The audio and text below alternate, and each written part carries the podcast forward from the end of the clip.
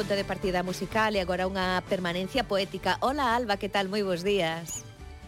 Ola Isabel, moi bo día. Oxe me parece que esta suxestión, recomendación que traemos poética, ven dunha traducción do Euskaro Sí, así é, e deixanos na, na latitude norte da península, non?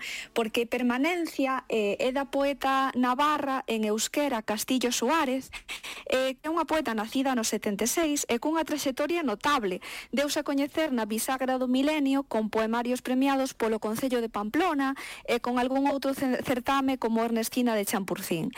E cheganos da man, neste caso, de Isaac Xubín, escritor e traductor que nos leva aproximado a voces, poemas, poéticas como a de Kirmen Uribe, por exemplo, a de Sarreonandia ou a de Arcaiz Cano.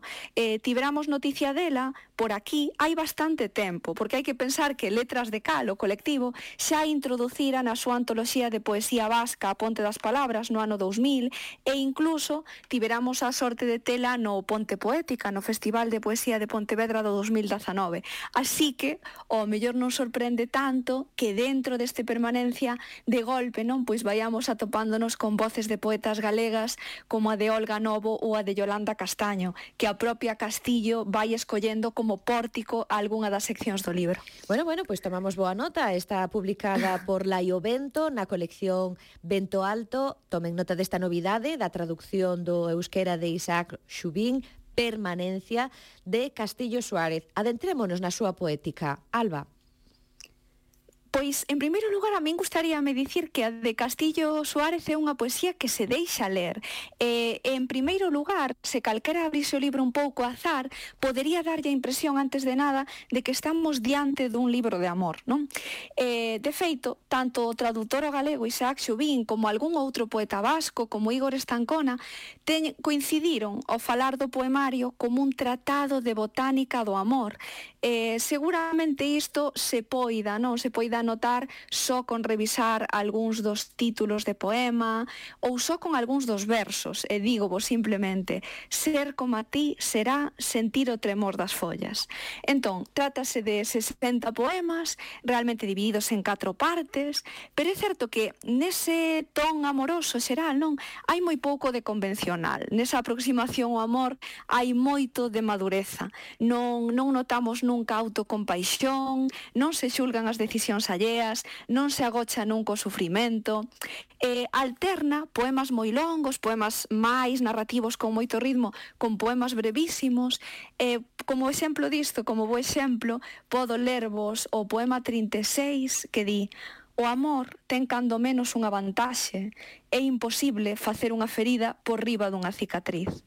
Entón, hai moita consciencia da finitude, falase da fin da neve, da fin do amor, da fin do arrepentimento, e en certo modo tamén é un poemario sobre o que perdura e o que non pode facelo, non? É un poemario que se cuestiona moito, que se cuestiona canta xente leva dentro cada un de nós, non? Por que tratamos de erguer o mundo con palabras? Por que o provisional ás veces parece o definitivo?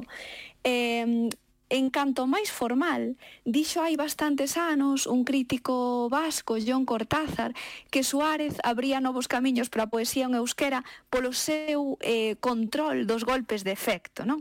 Eu penso que isto é algo que se, se escoita recitar a, a Castillo Suárez é moi evidente, e se se lê tamén, porque a proverbialidade dos finais de poema é unha constante. Non? Entón parece que os poemas sempre rematan alto, non sempre rematan forte. Eh, poño vos Un exemplo pequeno eh, que o, o remate dun dos poemas de permanencia e di que a pesar de precisar das túas palabras, quedarei, quedarei co teu silencio. Están a grallar os paxaros. Se che digo que te quero, é que falo na linguaxe dos paxaros.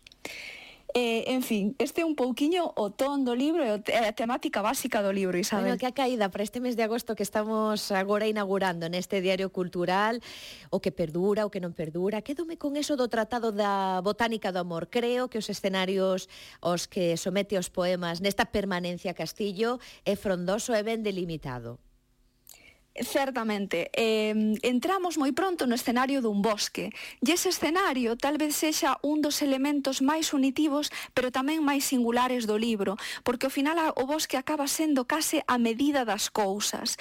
Eh, poño vos un, un exemplo.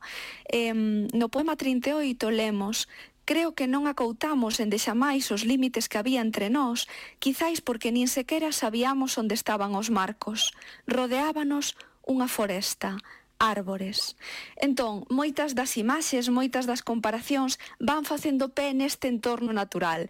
E o entorno mm, recorre ao máis humilde, falase de nenos que medran como a erva sen facer ruído, pero tamén eh, hai unha capacidade de mimetismo moi grande, por iso a voz poética se identifica ás veces cunha corza que cruza o campo na alborada, ou lemos eh, eu era un castiro no medio das acacias, e eh, tamén sabe empregar tanto a autor autóctono, hai, hai bidueiros, hai fentos, como as, as especies invasoras ou como as especies foráneas, e de golpe atopamos secuoias, árbores do ceo e demais.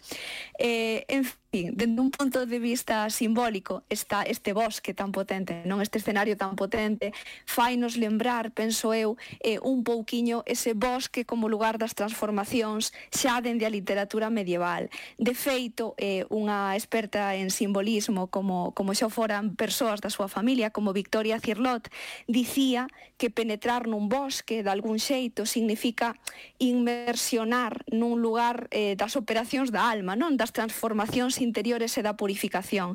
E o libro de Castillo, falando tanto do amor, pero tamén tanto da permanencia, ten moito diso, non? Ten moito de lugar que é necesario transitar para descubrirnos de outra maneira nos mesmas. Estamos falando dunha poeta navarra e creo que estes bosques ao final son nos moi próximos por, por, polos bidueiros e por tantas outras imaxes que agora xa hemos configurando desta permanencia.